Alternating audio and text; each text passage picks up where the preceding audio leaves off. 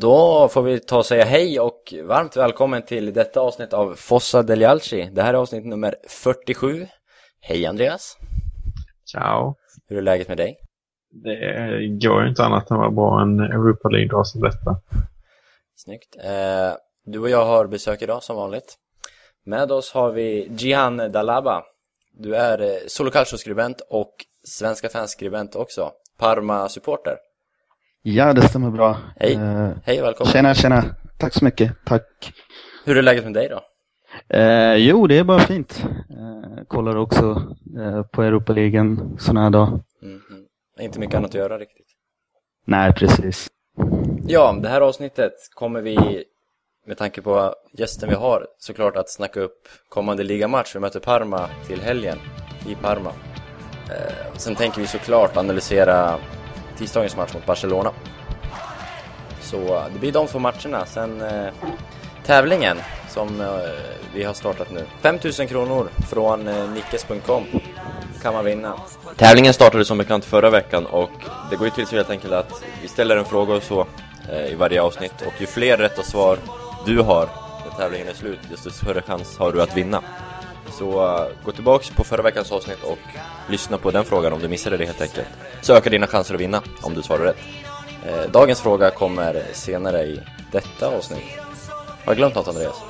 Nej, det låter bra. Jag tycker vi kör. Då kör vi.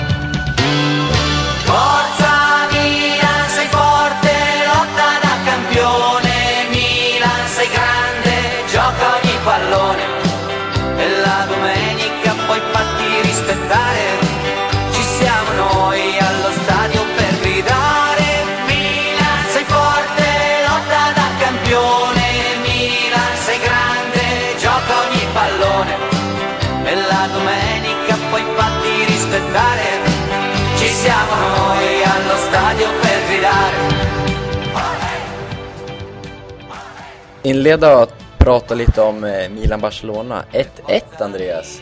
Världens bästa Barcelona mot ett Milan i formsvacka. Det är väl ändå hyfsat imponerande. Ja, men verkligen. Uh, och uh, Samba Milan är tillbaka och allt möjligt.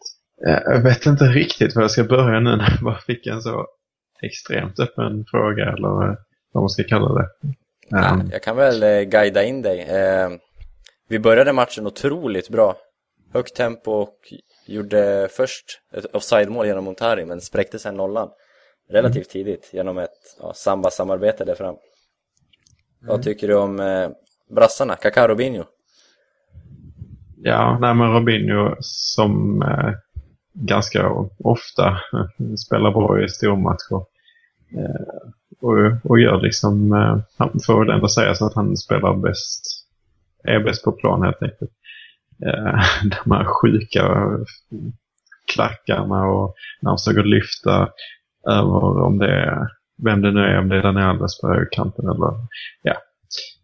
Eh, han är väldigt inspirerande eh, start från honom. Mm. Det är ju, det är ju eh, ja, svårt att förklara hur kul det är att se honom med 22 födsvart igen och spela så pass bra. Speciellt med tanke på de belackarna jag tycker han har fått. Eh, jag menar han kommer på en gratis, eh, en gratis transfer. Mm. Folk säger att ja, men han har 4 miljoner euro i lön.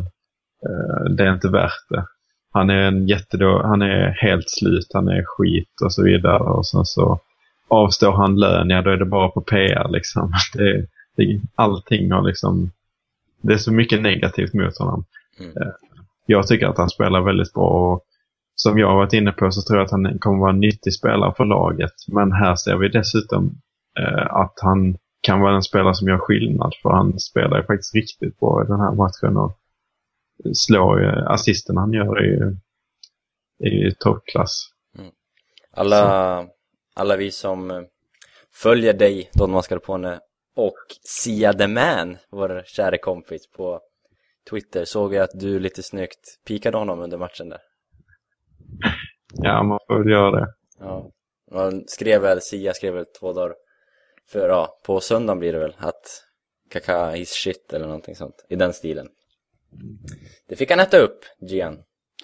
Eh, ja, precis. Eh, jag tyckte Kaká såg eh, riktigt bra ut. Mm. Eh, såg nästan ut som eh, 2007 eh, när han spelade i Milan senast. Mm. Men bara nästan. Det saknas ju faktiskt lite grann. Eh, och eh, han lyckades ju inspirera resten av eh, lagkamraterna också. Eh, tycker Robinhos vad var det, första halvtimme var riktigt bra. Eh, och sen så eh, i andra halvlek när han missade det här eh, friläget så började man känna igen honom lite grann. Mm. Ja, det där Eh. friläget är intressant tycker jag. Jag eh, hävdade ju starkt när vi såg matchen live och nu även i efterhand att Robinho väldigt medvetet hoppar över bollen med tron att det är någon bakom. De flesta verkar tro att han slår hål i luften, men jag vet inte, hur ser ni på den? Oavsett så är det ju bedrövligt gjort. Alltså varför skulle han hoppa över den om det var det som var tanken? Nej, det är lika dumt det som att missa bollen såklart, men ja, det kanske är en nonsensfråga egentligen. Jag reagerar på det bara. Ja, nej men det, jag har inte analyserat den situationen speciellt mycket men jag konstaterar att det var värdelöst agerande. Mm. Men om man ska fortsätta lite med det med Kaká så alltså att den här kritiken som har kommit på värvningen så tycker jag ändå att den bästa av värvningen var kanske inte det på plan utan det var ju allt det här utanför som den här positiva inställningen han har. Eh, och att han känner till det gamla Milanello så som det var tidigare. Sen så har vi också att han är bra på plan nu. Han visar ju det. Han har det. det är ändå trots allt den enda, det är tre spelare eh, som spelar i Europa nu som har vunnit Guldbollen. Det är ju Messi, Ronaldo och Kaká. Det var han som vann sist innan de här två började prenumerera på, på de eh, utmärkelserna han har ju en teknik som man ser att de andra, alltså man ser att han har en teknik som de andra om man säger så. Det, det ser så lätt ut och han väljer oftast rätt alternativ och kommer oftast ut ifrån situationerna och är väldigt nyttig som vi var inne på tidigare i kontringsspelet. Mm. Så han passar bra i Allegris system också. Ett eh, system som efter matchen har diskuterats komma ändras till, alltså till det systemet vi spelade mot Barca nu, ett mer 4-3-3 liknande. Både Tassotti och Allegri var inne på att Milan kanske slopar det här 4-3-1-2 nu och går tillbaks till 4-3-3. Vi får väl se hur man, eh, hur man ställer upp i ligan nu mot Parma, men det var ju flera som var inne på det spåret. Alltså det är ju lurigt, det där, för man var inne på att det Berlusconi var, var sugen på att ändra till den här säsongen var att spela med två centrala anfallare. Mm. Därför 4-3-1-2 och det är det vi har spelat nu. Men så kommer Barbara ut nu i veckan eller efter matchen och säger att eh, eh, Silvio är glad för att några av hans direktiv som han gav Allegri inför den här matchen eh, eh, skedde helt enkelt. Eller Allegri tog dem i beaktande och verkställde dem. Så, så jag vet inte, för nu spelar vi 4-3-3 som vi gjorde, som Silvio innan klagade på. Så jag vet inte riktigt om man ska reda ut den soppan, men, eh, men 4-3-3 har ju sett bättre ut än 4-3-1-2, det kan vi konstatera. Silvio-logiken är ju inte alltid så logisk. Nej, så, så kan man väl uttrycka det. Men, Men det är ju svårt då, man ska ha en fast start, alltså eller en formation som ska sitta nu så kommer Honda i januari. Vad händer då? Eh, så kommer Pazzini tillbaka, så kommer El tillbaka. Det är liksom svårt att veta. Och frågan är om man ska ha en fast formation. Eh, vad är det för värde av att sätta en fast startelva i, i dagens fotboll och i dagens Milan? I dagens fotboll där vi har hur många matcher som helst. Väldigt olika motstånd så man måste liksom anpassa sig utifrån motståndet. Och dagens Milan som har jättemånga skador så man, man har ändå inte alla tillgängliga. Vad tycker du om formationer, Gian? Vad, vad tycker du? Jag vet inte hur mycket du har sett av Milan den här säsongen, men vad du, tror du blir bäst? Om du får agera Allegri lite. Eh, ja du, eh, bra fråga.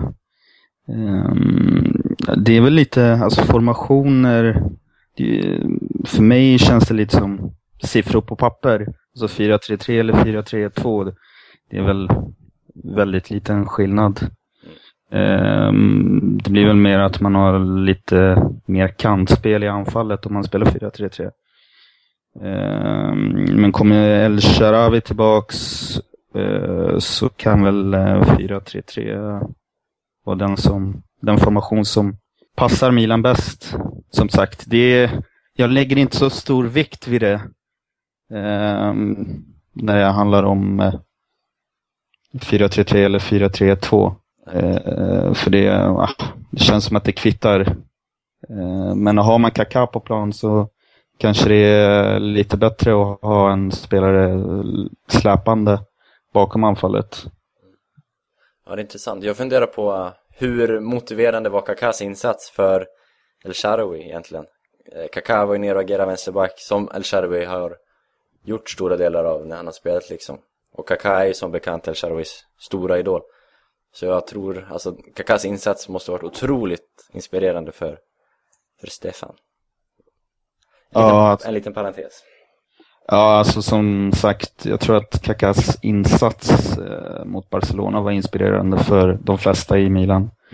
Ehm, det, om man får dra lite paralleller ehm, till Arsenal till exempel, där Özil har ju fått alla andra spelare att bli inspirerade. Och det kan väl bli ungefär samma sak här med, i Milan med eh, Kaká. Absolut. Ja, men det, är, det är en bra jämförelse även om Özil är en bättre fotbollsspelare i nuläget än vad Kaká är. Så märkte vi ju mot Udinese också att så fort Kakao fick bollen så var det liksom ja, då var det som en målchans liksom på San Siro. Publiken gick igång direkt. Han vann eh, tillbaka någon boll på, eh, på egen planhalva och det var, alla blev helt galna liksom. Um, så det, det betyder väldigt mycket den här värvningen och inte minst för eh, de på läktarna. Det var ju, de som var på plats har ju berättat att Kaká är överlägset störst i dagens Milan. Mycket, mycket större än Balotelli. Mm. Som man kanske, ja, som väl var den största innan Kaká nu är tillbaks. Liksom. Så det är kul. Alltså, Balotelli skulle jag faktiskt vilja prata lite om, även om det inte kanske har helt relaterat till den här matchen. För det verkar ändå komma en liten spricka där. Jag vet Mm. inte om du är med på det spåret. Jo, kör. Jag har väl läst på min del jag också. Mm, nej men det, det är den känslan jag får för att det har kommit upp en del grejer nu. Raiola sa innan matchen det här att ja, han kommer inte sluta karriären i Italien. Det är liksom självklarhet men just nu har han kontakt med Milan. Sen så eh, visar han kanske inte en 100% inställning. Allegri går på honom och säger att han ska kämpa som alla andra spelare. Eh, Sen så stannar han i Barcelonas omklädningsrum efter matchen, är det rapporterat. Och, eh, och lämnade Milans omklädningsrum med, i t-shirt istället för den här liksom, kostymen ska man, som man ska ha vanligtvis. Vilket då ligger till det med den, tid, den eh, liksom, nutidshistorien av att han eh, med Italien missade flyget och allt det vi tog i förra podden. Att han har det lite stökigt just nu. Så jag vet inte, det min känsla just nu är att om Milan inte når Champions League nästa säsong så stannar nog inte Balotelli. Ja, intressant. Sen är, sen är det ju en fråga var han skulle dra såklart, men eh, han vill ju väldigt gärna till Real Madrid. Samtidigt så vill han väl vara första alternativet och det är väl det som där skon klämmer så att säga. Eh, vi brukar ställa den här frågan, frågan till eh, gäster. Eh, Balotelli väcker känslor. Vad tycker du om Mario? Eh, ja, eh, Mario Balotelli ja. Ehm, ja, det är en fantastisk fotbollsspelare. Ehm, lite halvt knäpp kanske eh, utanför planen. Mm. Men ehm, ja, det- är väl lite så att eh, den här attityden han har har väl gjort honom till den fotbollsspelaren han är också. Eh, Men frågan är om han kommer växa upp. Eh, Zlatan var ju eh, ungefär liknande när han var yngre. Eh, kanske inte lika galen som Balotelli. Men eh, jag är tveksam till eh, om Balotelli någonsin kommer växa upp likt Zlatan eller Totti eller ja, Eh, spelare som har varit lite stökiga under sina unga dagar. Eh, men ja, helt fantastisk fotbollsspelare när han har bra dagar, helt klart. Den, eh, vi var inne på det, han hade inte så bra dag mot Barcelona. Eh, kollade matchen med min kompis och vi sa när Balotelli kom in att Balotelli brukar inte lämna en match utan att sätta en stämpel på liksom, att, utan att göra någonting positivt eller negativt. Men det var exakt vad han gjorde. Var väldigt osynlig under eh, sina 20-25 minuter. Och lite konstigt också mot just Barcelona där man fått känsla av att han jävligt gärna ville spela den här matchen och att det var därför han var på bänken. Mm. Eh, missade ju förra mötet på grund av att han redan spelat med City, äh, med City i Champions League. Eh, så jag fick ju känslan av att han verkligen var sugen på det här men spelet visar ju annorlunda. Ja, då tydde på annat. Ja, vi får ju hoppas att han håller den här formen i helgen också. Alltså det, man kanske inte ska dra så stora slutsatser som jag håller på att göra men det är en eh, negativa tendenser tycker jag jag ser. Ja, vi får hoppas på vändning till helgen. Eh, Men den matchen pratar vi om, om sen va? Hade vi något mer på Champions League? Eh, Stämningen var ju fantastisk. Eh, Man kan ju inte låta bli att hylla ett, ett fullt San Siro. Det finns inget bättre knappt i denna, på denna jord liksom. Eh, Och det tifot var också rätt, rätt fint tyckte jag. Eh, Men det blir sån extrem atmosfär. Sen kollar man liksom på Real Madrid-Juventus dagen efter. Eh, lika stor arena i princip, lika mycket folk, men ja, det är en trumma och man hör Juventus-fansen liksom. Det, det är skillnad på arena och arena. Och folk, Ja, arena publik och publik. Jag är faktiskt väldigt förtjust i Santiago Bernabéu. Jag Ja, arenan är fin, men publiken då? Jag har varit på ett del klassiker Men det är som du säger att publiken där, stämningen är inte på topp. Men eh, när de drar igång Nessun Dorma där innan matcherna, då är det gåshud. Men eh, nej. Absolut, det är, ju- går ju inte att jämföra så. Eh, och eh, det är ju en klar fördel Milan har där i Champions League. Men samtidigt så är det ju tråkigt om man ska vända på det att varför ser stämningen ut så här bara i Champions League? Varför ser spelet ut så här bara i Champions League? När vi spelar så bra eh, kollektivt försvarsspel eh, som vi inte kommer i närheten av i ligan. Och så eh, fröjd i anfallsfotboll som vi inte heller har sett. Ja, vi släpper tre mot Bologna, men ja, ett mot Messi. Liksom. Ja. Två mot Laxalt och ett mot Messi. Mm, precis. Eh, men ska vi släppa Champions League-matchen och få säga att vi ändå är rätt nöjda? Är jag är ofantligt nöjd ändå med eh, poängen. Det är ju väldigt viktigt för, eh, för gruppen som ser bra ut nu och sen så för, förhoppningsvis för självförtroendet så att det här kan vara en början till vändningen.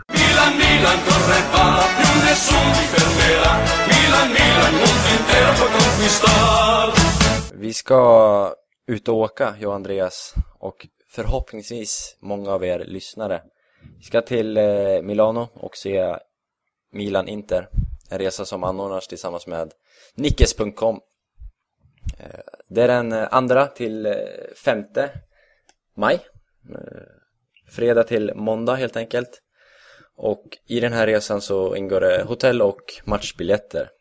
Så finns det ett intresse så släng iväg ett mail, mail till eh, fossadelialci@gmail.com Eh, Resan kommer ligga på lite över 3000 kronor som det ser ut i nuläget. Men släng iväg ett mail så för vi vidare kontakt däröver. Det ska bli kul va Andreas? Ja, ofantligt. Det är lite väl sent för säsongen för min smak i och med att värmen eh, börjar komma och det trivs inte jag riktigt med. Nej, Andreas, vi kanske pratade om det tidigare i podden, eh, men det kommer ni definitivt märka om ni åker med. Bara det är värt 3000 spänn. Att höra Andreas klaga på värmen alltså, det är, ja, det är, han är lite underlig den här mascarponen, som ni kanske har märkt nu i den här podden.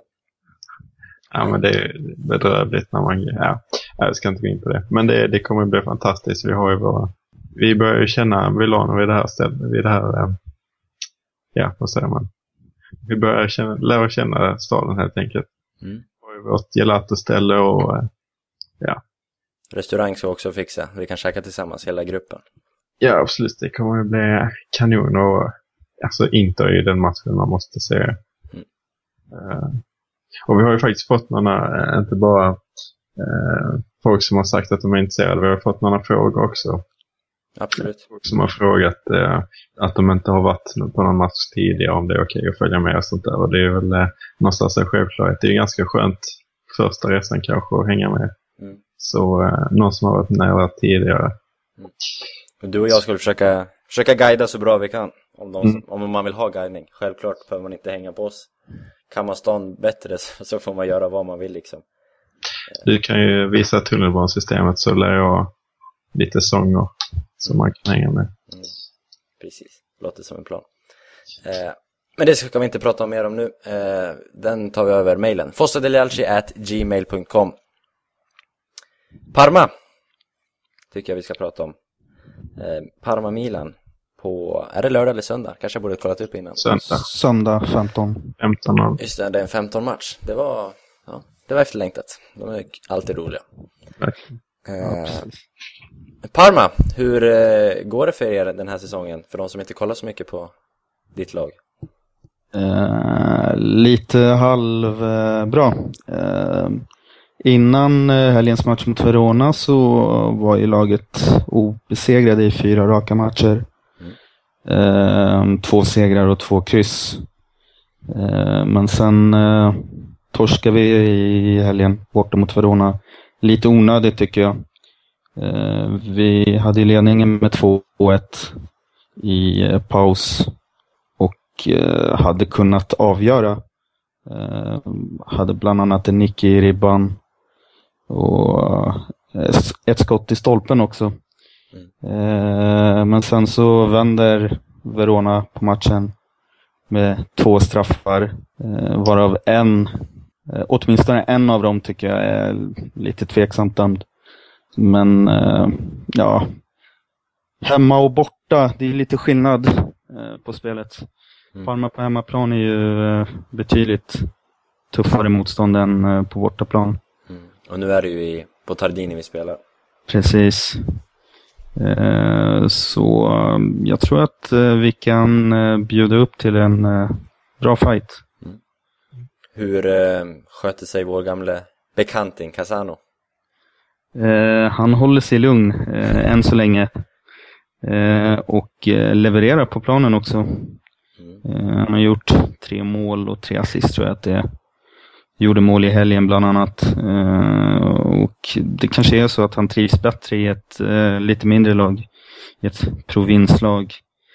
Men eh, ja, vi får ju se. Så länge han håller sig lugn eh, så är allting frid och fröjd. Men eh, man vet ju aldrig med Casano när det kan tända till.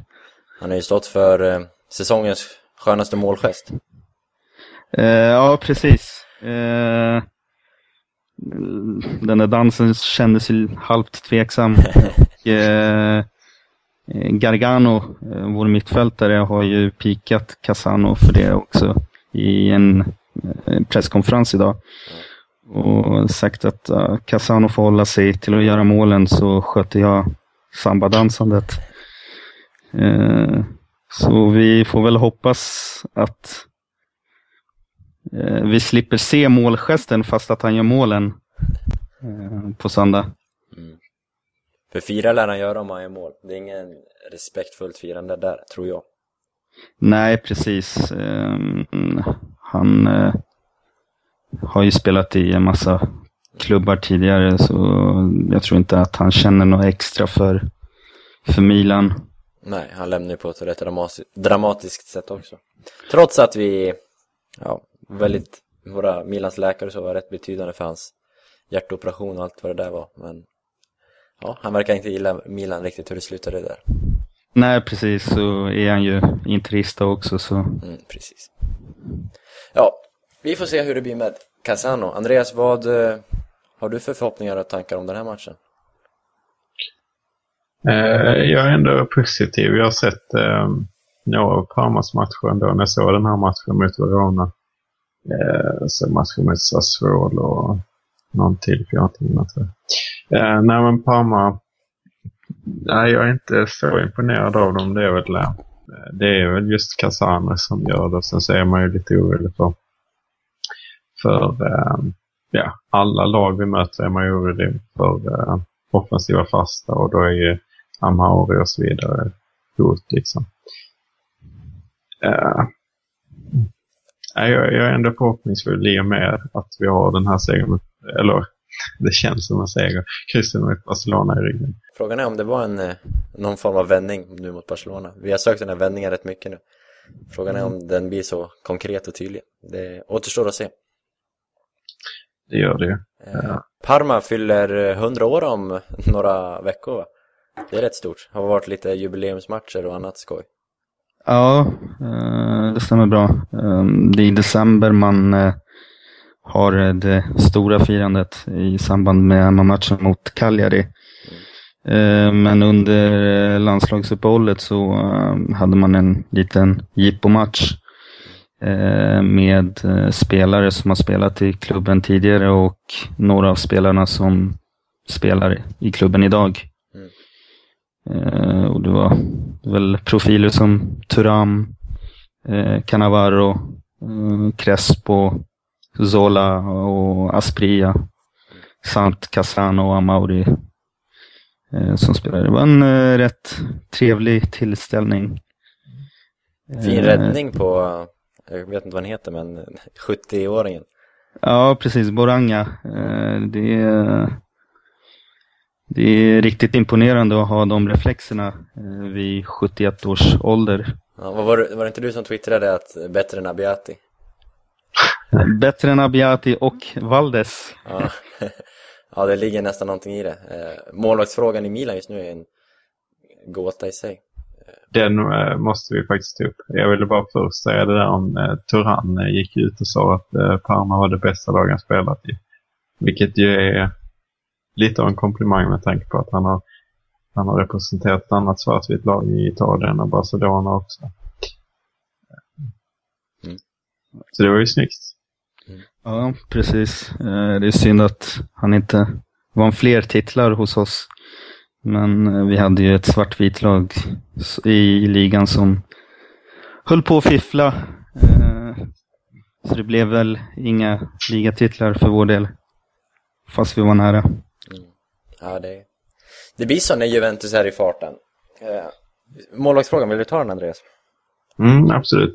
Um, matchen mot Udinese uh, såg ju väldigt stabilt ut uh, överlag, hela laget. Dels med tanke på att man tog spel centralt. Men också uh, Gabriel som, som uh, i vissa gjorde några rädd, fina räddningar på Dina frispark och lite sånt där. Men framförallt eh, det jag gillade att se var att han eh, dominerar så pass mycket i luften. Jag vet inte om du minns den David, men han går ut på någon hörna till exempel och boxar ut bollen ganska långt ut i straffområdet. Mm. Och det är just det Abiati aldrig gör. Uh, vilket uh, nog är en väldigt stor bidragande orsak till att vi inte att vi släpper in så många mål på, på hörnan. Mm. Abiati står ju ofta på linjen. Trots längden. Mm. Eh, och mot Barcelona så stod ju Amelia som bekant och var bra faktiskt, för en mm. skull. För tanken var ju, som jag tänkte då, var att varför spelar Gabriel om han inte kan spela i, i ligan? Visst, han kanske är andra målvakt och förtjänar den här. Eh, men då kör man, det är kanske bättre att sätta en, en målvakt så att han får någon slags eh, eh, hinner matchas in någorlunda liksom. Men det följer väldigt väl ut. eh, Amelia som har varit väldigt ringrostig och behövt några matcher för att starta upp. Eh, var riktigt bra direkt och gjorde ju några avgörande räddningar faktiskt på Iniestas friläge bland annat. Mm. Så... Då kommer ju frågan vem som ska stå mot Parma. Ja, ja. Speciellt om Abiati också är tillgänglig. Som jag vet inte om han är det och kommer vara det, men Eh, det blir ju, ja, det blir intressant för för Abiati har ju inte imponerat alltså. Nej. Man kan ju inte säga det.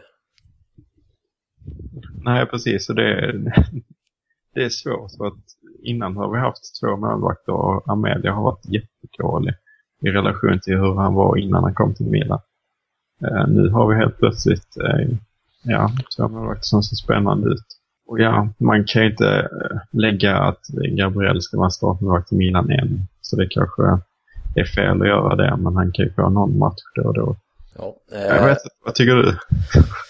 jag, jag vet inte. Eh, nej, jag har inget svar alltså. Tyvärr. Eh, Men den är intressant, så kan vi... mm, den är intressant. Jihan, eh, om jag tolkar din tweet så tycker du Abiati är dålig. Eh, ja, ehm, han har ju tappat med åren. Eh, det var en bra målvakt för ett antal år sedan, men eh, han har ju tappat och är inte riktigt lika säker.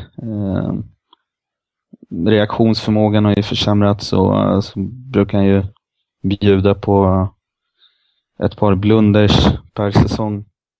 Så eh, det kanske är dags att fasa ut honom ur eh, startelvan och så får han väl börja acceptera en plats på bänken. Så får man spela in lite yngre förmågor. Gabriel eller Amelia då? Du kanske har, har du tillräckligt bra koll för att säga det? Jag såg Gabriel mot Udinese och tyckte att han kändes stabil och säker. Och Amelia eh, har väl inte varit riktigt jättebra tidigare. Eh, Så det kanske är bäst att eh, få in Gabriel i laget. Eh, Sakta men säkert. Eh, långsiktigt så är det ju absolut så. Så Amelia eh, ska inte vara kvar i Milan så länge. Vi har ju dessutom en intressant situation i att Casillas är på väg och har flörtat lite med Milan. Eh, och med tanke på att Abiati har sett dålig ut dels, eh, men också så är han ju skadebenägen och drar på sig några sådana här skador. Eh, så har man inte en vass andra målvakt så kan man ju inte förlita sig på honom.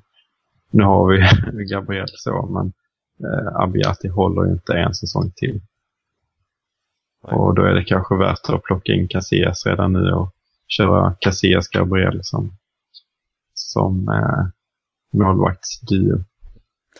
får vi se hur, hur det blir med Casillas. Han spelade ju igår Mm. med kaptensbindel på armen. Ingen av dem kan ju stå i Champions League i så fall. Nej, det är faktiskt sant. Det blir Amelia igen. Då blir det. Ska vi gå tillbaka till matchen lite? Eh, hur ser eh, skade avstängningsläget ut i Parma? Vi har ju precis, eh, eller vi hade Mirante avstängd mot eh, Verona Mm. efter utvisningen han drog på sig mot eh, Sassuolo. Så han är tillbaks mellan stolparna. Eh, och Amauri är ju tillbaks efter sin två matcher långa avstängning.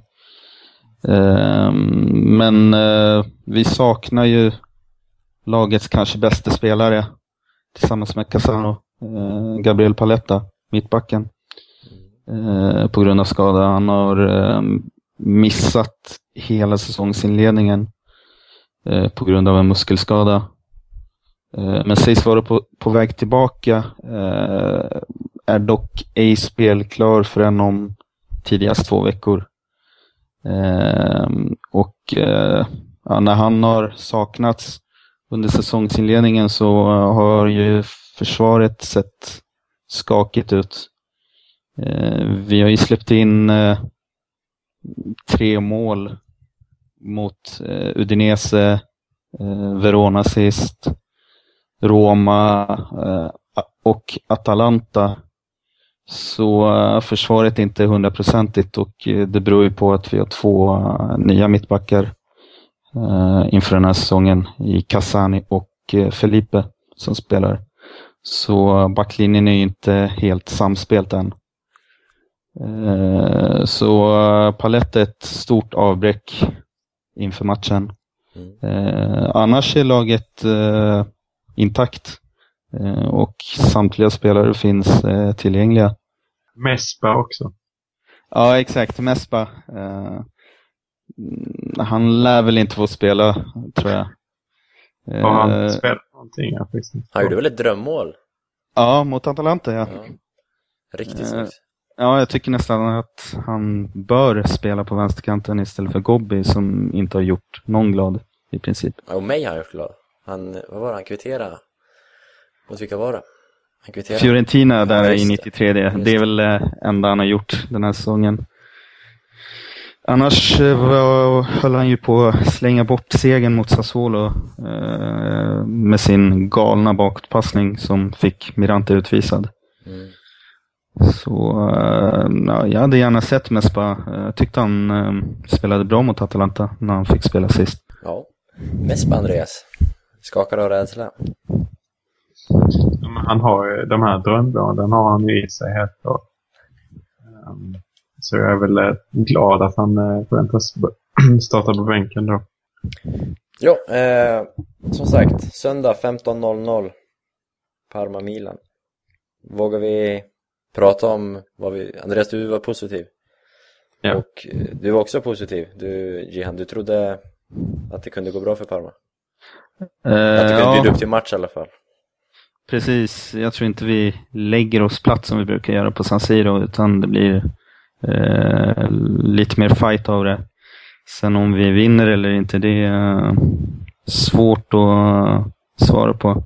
Mm. Men ehm, ja, vi som sagt, försvaret är inte hundraprocentigt så eh, vi får väl se till att göra fler mål än vi släpper in. Så ska det Mål, mål kommer bra. vi förmodligen göra. Ja, och ni med tror jag. Så. Det är bettingtipsen. Överspel heter det va? Jag som inte kan någonting om betting. Det kan ni, Precis. ni två lite bättre. Precis. Ja, eh, vi kör vår fina bumpermusik, sen pratar vi om tävlingen. Mm. Milan, Milan corre va, più nessuno ti fermerà. Milan, Milan, mondo intero può conquistar. Då tänkte vi avslöja, nej avslöja tänkte vi inte alls göra, vi tänkte avsluta den här podcastavsnittet med tävlingen. Som sagt finns det fortfarande möjlighet att skicka in eh, svaret på förra veckan, avsnitt 46, så ni får lyssna på det om ni vill vara med i tävlingen. Chans att vinna 5000 spänn på nickes.com. Men eh, veckans fråga då?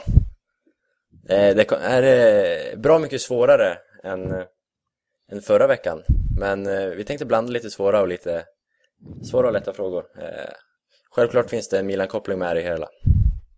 Annars skulle vi inte fråga om det. Eh, svaren skickar ni in till fossadeljacci.gmail.com och nämn, alltså ämnet, eh, döp mejlet eller vad vi ska kalla det till, till tävling 47. Tävling 47. Och sen eh, ett svar in, i mejlet och ditt namn. Så blir det kanon. Då kör vi! Eh, gemensamma nämnaren till de här tre tre påståendena, eller de här tre orden. Eh, vi börjar med eh, två mål Halmstad, Primavera och Storbajsare.